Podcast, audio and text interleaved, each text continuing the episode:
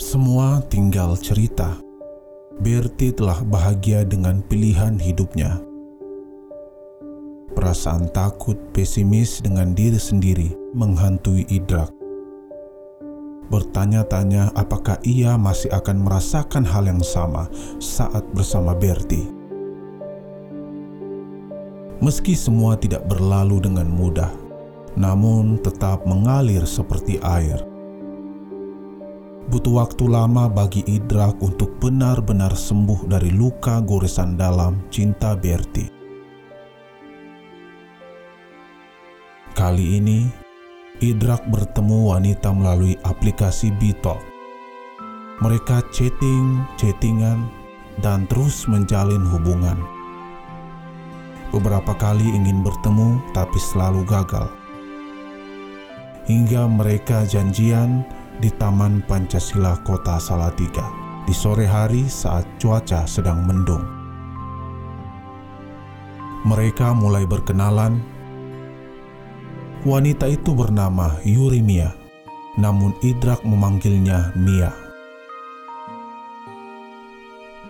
Seminggu menjalin hubungan, mereka langsung jadian. Meski perasaan biasa saja, karena butuh waktu lama untuk saling meyakinkan dan saling percaya. Tujuh bulan kebersamaan, Mia mampu menghidupkan kembali perasaan Idrak yang telah lama mati. Mia lebih dari dia yang pernah menikam perasaannya dengan brutal. Dalam hubungan yang terbilang singkat, Idrak dan Mia telah merencanakan banyak hal. Mulai dari hari pernikahan tabungan setelah nikah, konsep dan pakaian pernikahan. Hari itu, Idrak hanya bisa berharap apa yang ia rencanakan tercapai.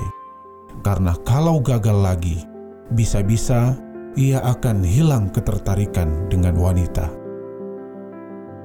Cara Mia berperilaku, hormat, sopan dan peduli terhadap orang-orang terdekat adalah magnet yang membuat Idrak yakin bahwa Mia adalah wanita tepat untuk menjadi ibu dari anak-anaknya.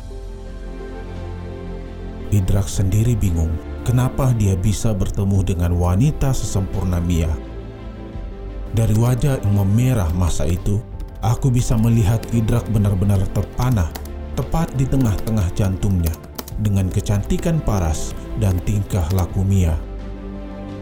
Waktu itu, empat hari berturut-turut Mulai pukul 4 sore di teras kosan, aku mendengar curhat jeritan hati Idrak sepulang dari kantor. Ya, sebagai teman, tentu aku tidak mungkin membiarkan dia memendam semua itu. Aku tidak ingin temanku putus asa dan gantung diri hanya karena seorang wanita. Tapi aku menyesal karena sampai hari ini aku tetap merahasiakan. Beberapa kali Berti mengirimkan pesan WhatsApp bahwa ia ingin berbicara dengan Idrak dan telah bercerai. Semua sudah terlambat. Idrak telah pergi untuk selamanya. Tiga bulan silam saat kunjungan kerja ke Malaysia, Idrak sahabatku mengalami kecelakaan pesawat dan tidak ada penumpang yang selamat. Mia belum bisa aku hubungi karena sepeninggalan Idrak ia sangat terpuruk. Sore ini aku akan ke rumah Mia.